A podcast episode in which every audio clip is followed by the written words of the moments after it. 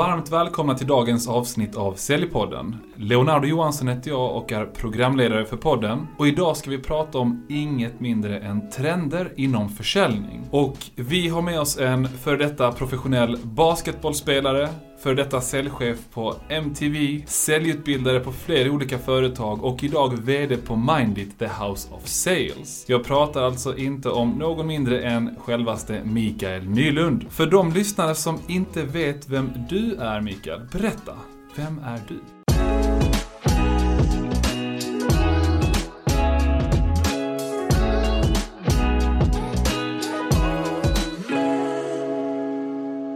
Tack Leo. Jag är precis som du sa Mikael Nylund, eh, VD på Mindit. Tidigare basketspelare precis som du sa, eh, fembarnspappa snart i augusti om man ska lägga till någonting där. Wow. Bor i Nacka. Okej, tidigare basketspelare, professionell basketbollspelare. Och det här får mig att tänka på vilka kopplingar det finns mellan liksom, idrott och framgångsrika, framgångsrika säljare och prestationer på jobbet. Kan du direkt bara så inledningsvis dra någon koppling som du känner, det här har jag tjänat på att ha satsat lite tidigare på att bli professionell basketbollspelare? Spännande fråga.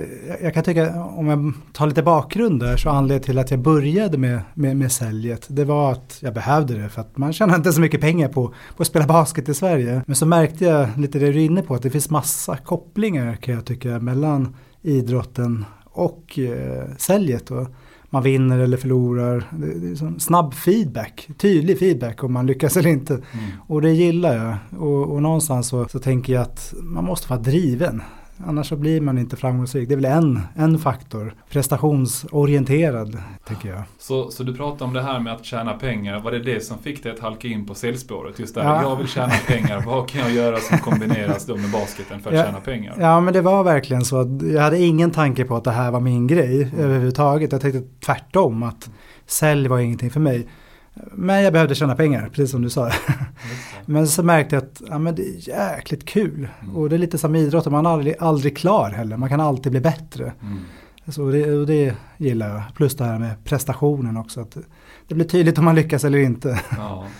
Nej, vad häftigt. Det, det, finns ju rena rekryteringsföretag som bara jobbar med att anställa folk som har varit duktiga på någon mm. typ av idrott för att de har mm. sett någon, eller de säger sig ha sett mm. någon typ av koppling däremellan. Mm. Så det är alltid spännande att prata, prata vidare om. Om jag börjar med det här med alltså företaget jobbar på idag, eller Mindit the House of Sales. Berätta gärna lite kort om vad ni gör så lyssnarna få en förståelse för det? Kortfattat så jobbar vi med sälj och ledarutveckling. Mm. Så, och, och framförallt i business to business företag. Okej, okay, sälj och ledarutveckling. Så att kompetensutveckla säljare och ledare till ökad prestation helt enkelt? Precis, ja. precis så. Ja. Och du som har en sån gedigen erfarenhet. När jag läste det här på din LinkedIn-profil med MTV, det väckte ju gamla minnen från barndomen när man har sett massa härliga serier på MTV och följde alla sina, sina förebilder där. Men, men om man pratar om all din erfarenhet av att jobbat med säljare på olika nivåer.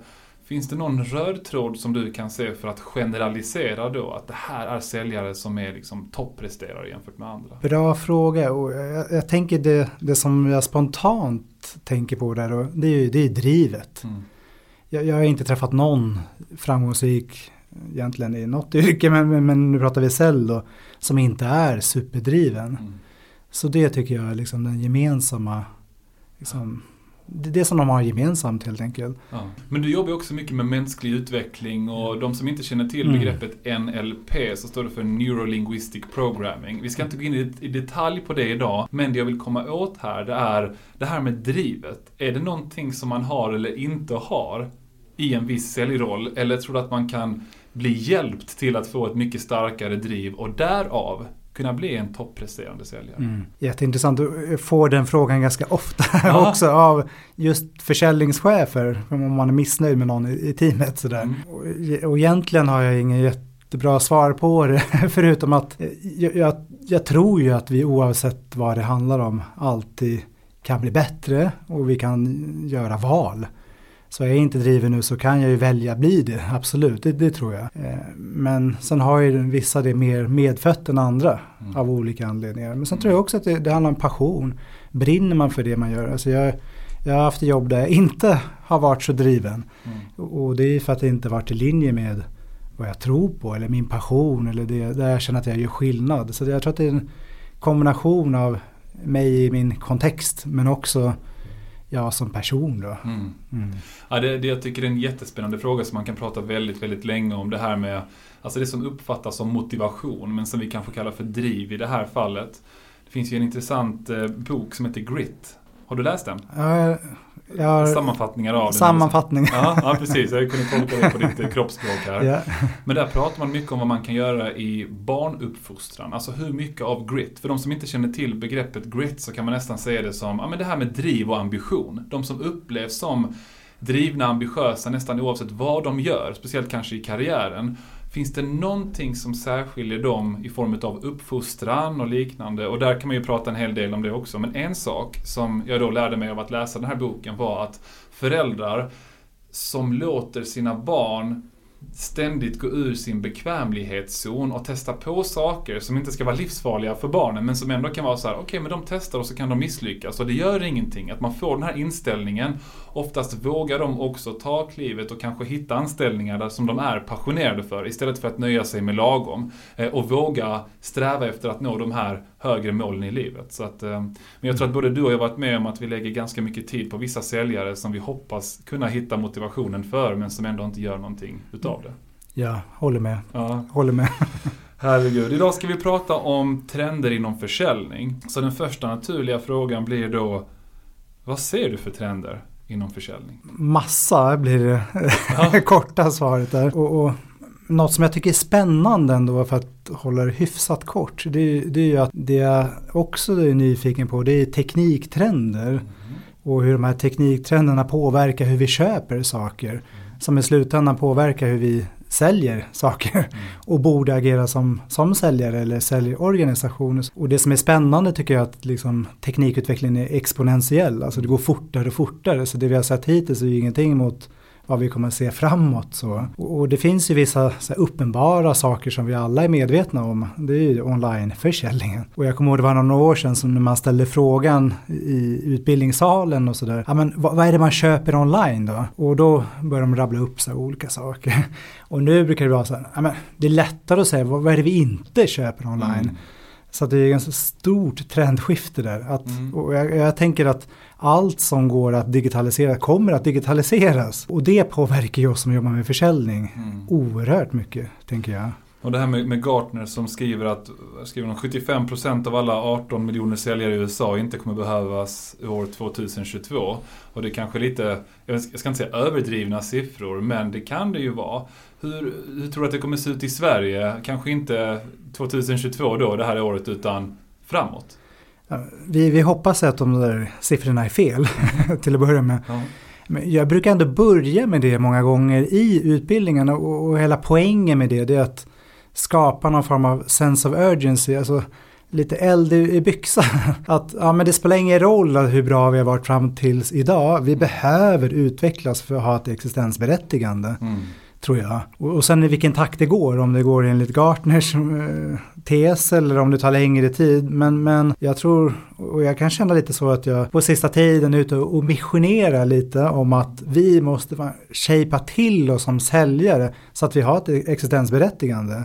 det här ska vi prata mer i detalj om lite senare i dagens poddavsnitt. Nämligen vad kan vi som säljare i praktiken göra annorlunda i våra säljmöten och liknande för att anpassa oss till den här nya verkligheten som antingen vi befinner oss i idag alternativt kommer att befinna oss i inom ett par års tid. Jag är lite intresserad av det här med köpbeteenden. Alltså hur påverkar teknikutvecklingen eller annan typ av utveckling som du har sett, trender du har sett, kundernas köpbeteende? På flera olika sätt men, men en, en stor trend som delvis är kopplad till tekniken tänker jag det är ju att många produkter blir till tjänster. Eh, och vi kan ju ta till exempel, jag vet inte hur gammal du är men jag köpte i alla fall LP-skivor en gång i tiden. Mm, nej, det har jag inte gjort. CD-skivor, mm. Eh, kassettband. så, och nu är det en tjänst för de flesta. Vi abonnerar på det. Mm. Jag tänker på till exempel då Spotify, om man får nämna dem. Eh, samma sak med film. Vi kanske köpte filmer tidigare. Mm. Nu abonnerar vi på dem, till exempel Netflix och många fler tjänster. Biltvätt var ju någonting, man, man köpte en biltvätt och nu kan du ha en ren bil för x antal kronor per månad. En, en kund sa till oss att till och med husbyggen blir till tjänster. Så har vi en kommun, ja, men vi behöver bygga liksom en skola i den här kommunen. Nej, vi abonnerar på det istället. Mm. Så att eh, det, det, är en av flera stora trender. Mm. Produkter blir till tjänster bland annat. Och mycket tack vare tänker jag teknikutvecklingen mm. och digitaliseringen. Att det, det, gör det lättare så att Just säga. Det. Och den här digitaliseringen, teknikutvecklingen har också lett till att information är mer lättillgänglig på nätet, eller hur? Mm. Och det är någonting många pratar om när vi pratar om trender inom försäljning, att kunderna är mer pålästa, kunderna ställer högre krav på säljare. Och jag tror att både du och jag, att det kan väcka frustration när vi är ute och ska kompetensutveckla säljare och organisationer som agerar på exakt samma sätt idag och typ vägrar förändra sina beteenden sitter som ett liksom intervjudokument när man träffar kunder och ställer massa, massa, massa frågor istället för att förstå att om du ska konkurrera med de här nya tuffa konkurrenterna i din bransch som antingen är här nu eller kommer, då behöver du bli en expert på kundens bransch och ja, ha mer information innan du ens träffar kunden. Är det någonting som du också har sett, där med att kunden är mer påläst och hur påverkar det säljare? Verkligen. Och jag, jag, tror att det var McKinsey som sa att ungefär 60% av köpresan görs i genomsnitt innan man tar första kontakten med, med en säljare. Mm. Och då, då är det ganska svårt att imponera. Mm. För det, ofta är de pålästa om dig, din produkt. Eh, så att, så att det Ska du sticka ut, precis som du säger, ja, men då tänker jag att vi behöver vara mer pålästa än tidigare. Mer kunniga, mer kompetenta. Inte bara om sin egen produkt utan om kundens produkt och kundens bransch och den, dens utmaningar. Mm. Coolt, vi lämnar det som en liten cliffhanger till lyssnarna. Vi ska som sagt eh, gräva lite djupare i det området om en liten stund. Eh, jag vet att både du och jag har erfarenheter från syskon. Jag tror att du hade en bror som jobbar som läkare va? Jag har en syster som är läkare och Ja, men berätta, berätta lite om vad din, vi skrattar lite åt det, men berätta, vad, vad, brukar din brorsa prata om när ni pratar om just den här biten med att kunderna är mer pålästa? Ja men det är spännande, för, för, min bror jobbar ju inte med försäljning men jag pratar mycket om försäljning och mm. säljutveckling med honom så han tvingas lyssna på det. Eh, och, och, han berätt, jag berättade ju också om det här precis som vi pratade om att de är mer pålästa än tidigare. Och då sa han, ja men det här stämmer ju för oss också. och han berättade, han tog i exemplet att ja, men flera patienter kommer in och de vet vad de har för sjukdom och de vet vad de ska för medicin. Så de förväntar sig att han bara skriver ut det här snabbt och effektivt. Så och då blir det mycket sälj. Att ah, okej, okay, men vänta nu, det kan vara så att jag med mina sex års utbildning eller vad det är, eh, kan mer och behöver göra en undersökning. Så det, det, det, det, det sker även där. Ja. Ja, det, det, det är roligt och ibland är det så att vissa patienter hittar de riktiga och rätta sjukdomarna de har lite bättre än vad läkarna gör. Nu ska inte jag säga att det händer allt för, allt för ofta men jag har varit med om min fru hon har eh, kusiner som var som läkare och det var någon som var så ah, men jag tror att jag har det här. Nej, det tror jag inte att du har. Ah, men du, kan du inte testa det? Kan du inte kolla upp det här? Ja, Okej okay då. Ni vet att vårdcentral, mm. de som mm. inte vet hur det här fungerar, det är inte alla vårdcentraler som är jätteglada för att man gör massa tester innan man är ganska säker som läkare på att någon har eh, eventuellt då en sjukdom. Som har hittat så här, vissa cancerformer i kroppen och allt möjligt eh, hemskt som kan finnas där. För att patienten har varit initiativtagande eh, till det. Så att eh, Ja, vi får se hur långt det här går inom sälj, säljbranschen. Ja. vad, vad känner du, eller tror du att vi kommer behöva göra annorlunda eh, framåt i säljarbetet? Kopplat till det här eller ja, inte mm. kopplat till det? Mm. Ja, men, eh, jag tycker att det är spännande, för man ställer frågan så här när man träffar säljchefer eller säljare, men, men upplever ni att liksom, det har förändrats på marknaden? Agerar era kunder annorlunda? Då säger alla ja. Ja, det har skett jättemycket och så har de massa olika exempel. Och bland annat det här som vi pratar om att man är mer påläst. Och så blir ju följdfrågan då bara för att vara lite jobbig så här. Har ni förändrat ert sätt att sälja då? Och då blir svaret många gånger nej, vi gör ungefär så som vi alltid har gjort. Och jag ser inte riktigt den kopplingen som jätteframgångsrik. Eh, så jag, jag tror att man behöver, behöver agera annorlunda, både som säljorganisation i stort men också som säljare. Mm. Och, och, och, vad innebär det här i praktiken att agera annorlunda? Eh, jag vet att i vår intervju så nämnde du någonting om att man måste titta lite utanför sin bransch och ett par andra exempel. Men mm. om vi tar det först, det här med att liksom titta utanför din bransch, vad innebär det? Mm. jättebra att du tar upp det, för vi, vi har ju sett alla massa exempel på hur hur man, eh, olika företag och branscher blir utmanade från ganska oväntade håll. Och ganska självklart efteråt, men det är inte självklart innan. Och det kan vi, vi kan ju ta exempel som Uber. Taxibranschen kanske inte såg det komma. Säkert världens största taxibolag. Mm. Vi kan ta hotellbranschen. Eh, och där är ju då Airbnb. Exakt, tack. Eh, som har utmanat hela den branschen på ett sätt och kanske nu världens största hotellkedja. Mm. Och sen ser vi på teknikutveckling också, telefonen det tar vi för givet att ja, men den kan göra allt, men det, det, är inte så självklart. Den har ju utmanat hela branscher, kamerabranschen till exempel. Mm. Jag vet inte, vem behöver en kamera nu? när vi Nej, har, eh, eller hur, när vi har en telefon. Mm. Betalkortmarknaden eh, utmanar, utmanar den också. Min, min son då som är 14, han säger pappa du fattar ingenting. Du behöver, ingen, du behöver inga betalkort, du har ju din telefon. Oh. Så att... Eh, ja, snart kommer vi bara behöva telefonen. Ja, G eller GPS. Ja. Eh, varför ska du ha GPS för har telefonen? Ja. Men, men så, min poäng är någonstans att tidigare kanske vi då om vi tänker strategiskt kring säljet att då tittar vi, men vad gör mina konkurrenter? Mm. Och så försöker jag göra någonting lite bättre än dem.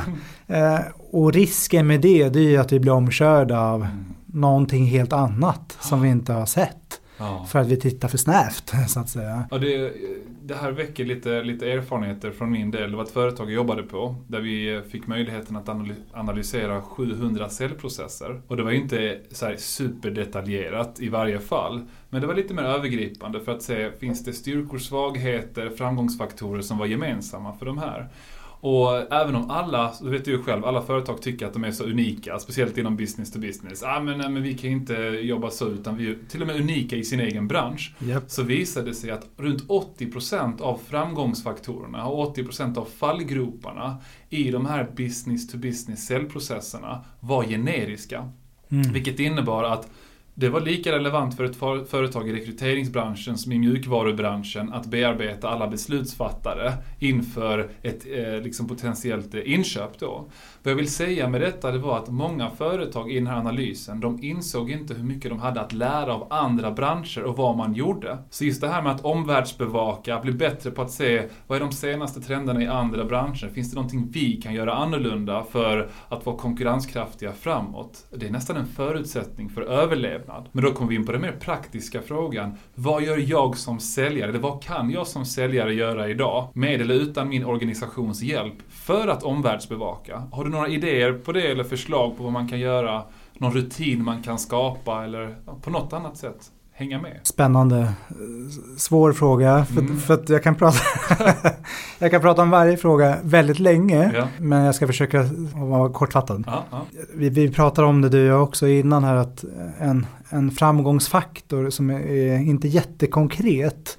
Men ändå kan jag tycka viktig, det är att vi har den här förändringsbenägenheten och nyfikenheten. Jag tänker som du är inne på där, men vad gör andra? Vad kan jag lära av andra? Vad, eh, och det kan ju vara inom den egna organisationen och jag kan faktiskt titta på mig själv, eh, om man börjar där.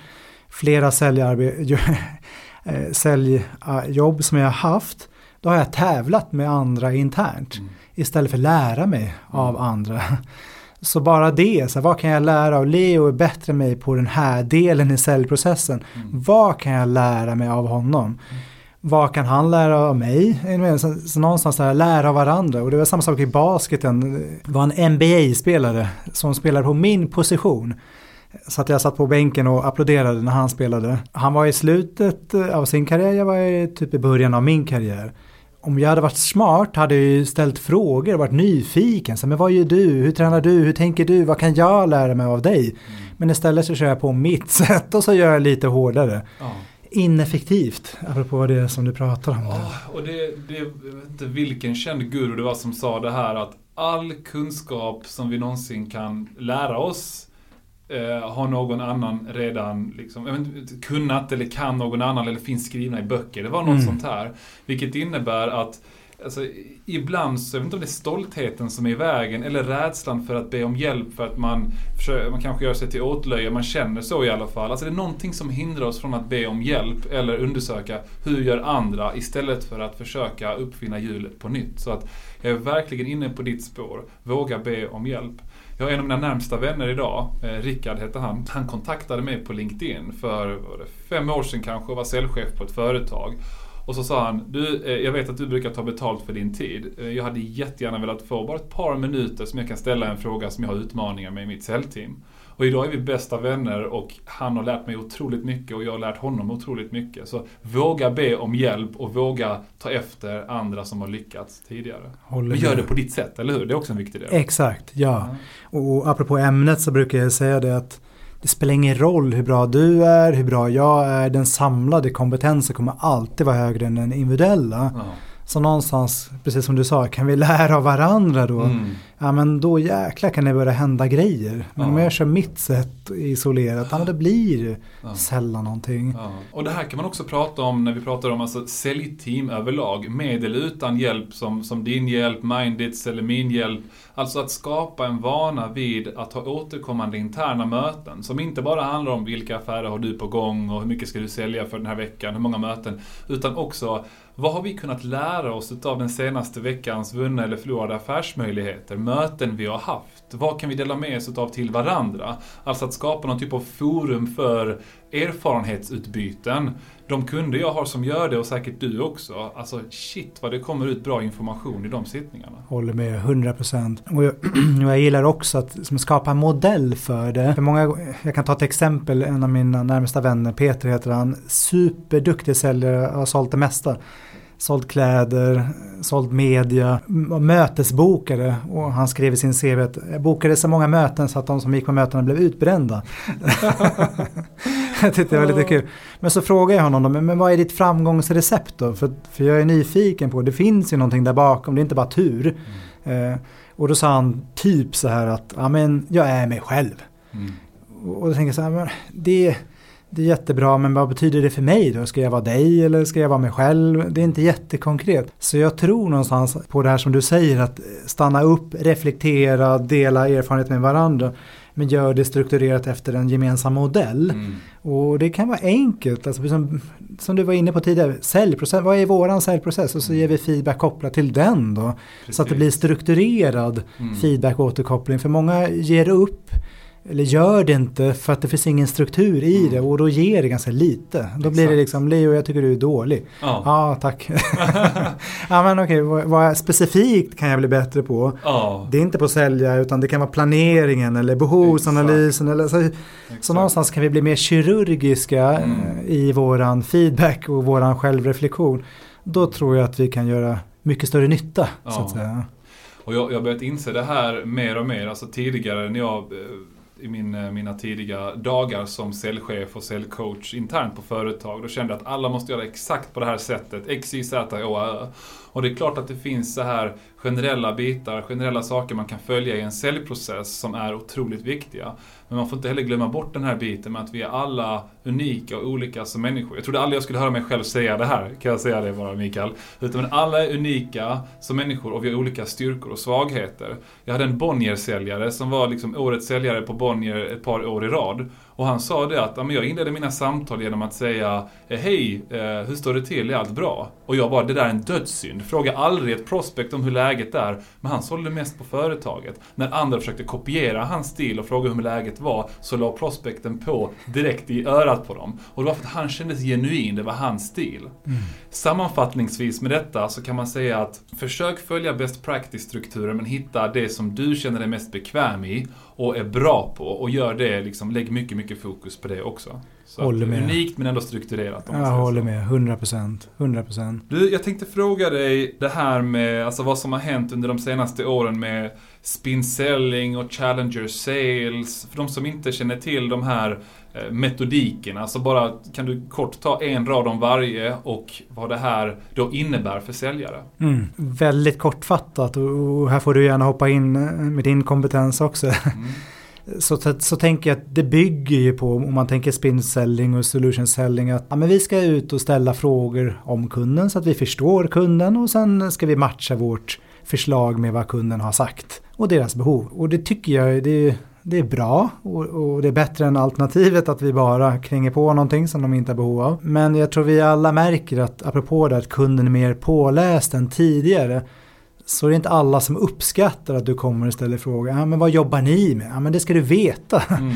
Ja, men vad har ni för utmaningar? Jag borde veta i alla fall vad branschen står inför för typer av utmaningar. Så, så det, det, finns en förväntan hos de flesta att du kan mycket mer än att bara komma och ställa frågor. För det är ingen som vill lägga den tiden.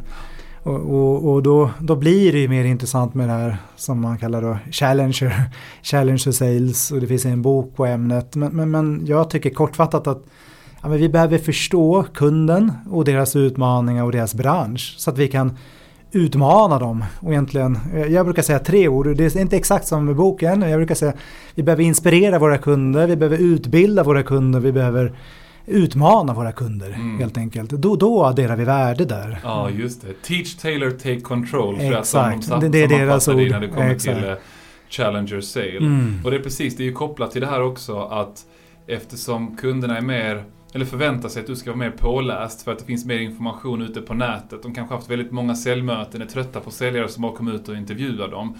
Hur kan du skapa den här unika känslan i mötet genom att ja, men du åtminstone presenterar vad du känner till om branschen, branschens utmaningar och viljor. Och sen får bekräftat eller dementerat av den här kunden att de har liknande utmaningar. Istället för att bara komma ut och säga hej, vilka problem har ni med det? Vad är ni nöjda med befintlig leverantör med? Vad kan vi göra bättre? Alltså att ha en lite annan dynamik i mötet, en lite högre kvalitet. Mm, håller med, håller med. Och det, och det här är ju relevant. Alltså, om man, om man, om man eh, läser den här boken Challenger Sale pratar de mycket om komplex försäljning och liknande. Men jag tror att både du och jag har stött på tillfällen. Eh, jag tror att jag nämnde det här i ett poddavsnitt. Det var min, en av mina bästa vänner, Adam. Han var på Mall of Scandinavia och gick in på Servera, tror jag att det var. Och så skulle han fråga om en, eh, var det en kastrull eller en stekpanna. Alltså han fick en utbildning på 15 minuter om hur man ska välja stekpanna och X, Y och Z. Och det slutade med att han köpte för 5 eller 6 tusen. Han hade förväntat sig att han skulle köpa för en tusenlapp bara. För att säljaren då på Servera, som brann för det de gjorde, upplevde så förtroendeingivande, rådgivande, kunniga att Alltså han vill bara köpa allting som personen pratade om. Så det här med att vara en challenger, att utbilda och inspirera, att ställa kravet på dig själv. Som du nämnde här Mikael i förra intervjun, att kunden ska i princip känna att man hade kunnat betala för en del utav tiden av, den här, av det här mötet. Då har man lyckats, eller hur? Mm, jag håller med. Och jag läste det med, det var ju, jag tror att det var Neil Rackham som skrev det, eh, som en liten guru för oss som är, är nernördade i säljutveckling. Och jag hörde det för typ 15 år sedan att ett, ett kund, framtidens kundmöte behöver vara så värdeskapande som man är beredd att betala för det. Mm. Och jag kommer ihåg att jag skrattade åt det och tänkte men, vem betalar för ett kundmöte? Det är, alla har kundmöten, vi kommer alltid ha kundmöten. Jag kunde inte se det. Men nu kan jag verkligen se det och jag vet att eh, det var, jag tror att, eller jag vet att det var McKinsey som gjorde en undersökning här nu. Där de sa att eh, ungefär 80 procent föredrar digitala möten eller digital självbetjäning, alltså köpa online, för att träffa oss som jobbar med försäljning fysiskt. Och, och någonstans då så tänker jag att ska de faktiskt träffa oss och vilja träffa oss, ja men då behöver det någonstans vara i linje, paritet med det. Jag, jag kan tänka mig betala för att träffa dig, så pass värdeskapande är det. Gud vad häftigt. Ja, tänk om man kan, kan uppnå det. Det hoppas jag att både du och jag försöker leva upp till och inte bara snackar om här i försöker. podden. Ja, vi försöker i alla fall. Men om man ska sammanfatta det här lite grann, det här med trender. Vi har pratat en hel del om teknikutvecklingen, saker som kommer bli automatiserade. Ehm, att man behöver kanske tänka lite mer att man säljer, alltså att man, vad ska man säga, tjänstifierar produkter. Kan man säga det? Ja, absolut. Ja, att man säljer absolut. mer tjänster istället ja, för produkter. Vi har pratat om hur säljare kan anpassa sig till detta genom att vara utbildande, rådgivande. Mm. Är det någonting du känner som att när vi pratar om trender, när vi pratar om hur organisationer och säljare ska anpassa sig till trenderna vi ser inom sälj eller teknik. Är det någonting vi har missat eller som du vill belysa? Det finns många saker vi skulle kunna lägga till. och utifrån ett säljledningsperspektiv ja. så tror jag, och det kommer du ha i andra avsnitt här tror jag, men, men gällande rekryteringen. Jag kan ju tycka förut att ah, men Leo han pratar mycket så han är perfekta säljaren. Och, och, och, och, jag tror att eh, Leo är inte den perfekta säljaren bara för att han pratar mycket utan han har också andra kompetenser. Så jag tror att det kommer ställa nya krav på oss. Mm. Och våra kompetenser helt enkelt. Och våra det. förmågor. Och vara mer analytisk till exempel. Och vår vilja att vara förändringsbenägna Ja, exakt. Den blir avgörande, verkligen. Men om, om, man, om man då är en säljare, ibland stöter jag på den typen av säljare när jag, när jag ska coacha företag som är så här, ja men jag vill ju förändras men jag vet inte riktigt var jag ska börja någonstans. Mm. Har du något bra exempel på eller något bra tips till den här säljaren som är så här, alright, jag fattar, jag behöver göra massa saker. Hur fixar jag min inställning? Eller vad kan jag göra? Var börjar jag någonstans? Jag tycker att de ska kontakta oss på Mindit. Perfekt, bra säljpitch där alltså. Exakt. Ja, cliffhanger. Ja, grymt. Ja, Okej, okay, du håller Du kör en silent close med mig där. Fan vad underbart alltså. Jag minns att, att inför det här poddavsnittet så berättade både du och jag stories om, eh, om, om, om folk och hur vi har lyckats få folk att förändra sina beteenden. Och en sak som vi pratade om det var den här VDn som när han ska städa huset, istället för att säga okej okay, nu ska jag städa hela huset, så vet han att oh, det är ganska stort, det är ganska jobbigt, så börjar han med att fokusera på att jag ska bara städa mattan. Om jag städar mattan då är jag rätt nöjd. Mm. Men så märker han av att när han börjar städa mattan så per automatik börjar han städa hallen, köket och sen kommer allting annat av sig själv. Så lite grann det vi diskuterar där, att börja smått, hitta liksom hur kan jag få det här i rullning? Gör inte det till en för stor grej. Om det är så att din chef säger, men läs Dagens Industri för att få lite koll på branschen. Det eh, behöver inte vara så att oh, varje vecka ska jag läsa Dagens Industri, utan börja med att läsa två sidor om det senaste inom en viss bransch som är viktig för er. Något litet bara, som får det här i rullning, så kommer du förhoppningsvis kunna initiera det här eh, med att skapa nya vanor och rutiner. Mm, jag gillar det. Och jag brukar prata mycket om mikroförändringar mm. och jag tycker det är lite det, det du är inne på där att Många gånger så tänker vi att det ska förändra allt mm. och då blir det inget. Exakt. Men det är ganska spännande. Gör man små, små förändringar här och där så på en dag händer ingenting, en månad ingenting. Men på ett år, om man tittar tillbaka, så kan vi vara på en helt ny plats. Mm. För att vi har liksom gjort små förändringar över tid. Så jag, jag, gillar det, jag tror på det. Ja, och ibland behöver vi stanna upp och bara inse hur långt vi har kommit också. Att vara stolta över oss själva. För det är någonting vi säljare, om jag generaliserar, man fastnar lite grann i tunnelseendet. Så fort man har slagit sin budget, nu är det dags för nästa affär och nästa och nästa. Istället bara stanna upp ibland, vara stolt över din prestation. För det bygger också ett självförtroende som kommer återspegla sig i andra dialoger du har med kunder framåt håller med. Och det här med tipset att vara kontakta Mindit, det är skämt åsido. Men det får man gärna göra. Men, men det, min poäng egentligen med det, det är att det finns ju så mycket kompetens där ute. Mm. Hos oss, hos dig, hos alla möjliga personer. Så varför inte liksom ta hjälp, ja. tänker jag. Det är så, så ineffektivt, vi pratade om det tidigare, det är så ineffektivt att komma på allting själv när någon annan har gjort det tidigare. Det var en så, bra säljpitch faktiskt.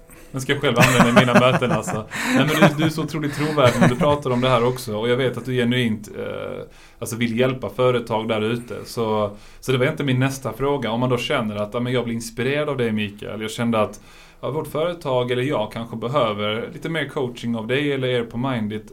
Hur tar man kontakt med er? Jag tänker lättast är ju via hemsidan ja. kan jag tycka. För då kan man läsa på om oss och, mm. och där kan man också kontakta oss på ett mm. enkelt sätt. Och, och det är då mindit.se. Mindit.se, jättebra. Ja men vad härligt att två branschkollegor kan sitta här och, och marknadsföra varandra höll jag på att säga. Men och, och ha en riktigt bra dialog. Eh, jag har fått en superbra bild av dig och av Mindit. Så är ni nyfikna på säljutbildningar där ute, ta kontakt med Mindit. Jag vill också slå ett slag för vår huvudsponsor för dagens avsnitt, nämligen Säljarnas Riksförbund. Som erbjuder allt ifrån inkomstförsäkring till juridisk rådgivning och utbildningar, säljutbildningar till ett värde av hela 40 000 kronor för nya medlemmar.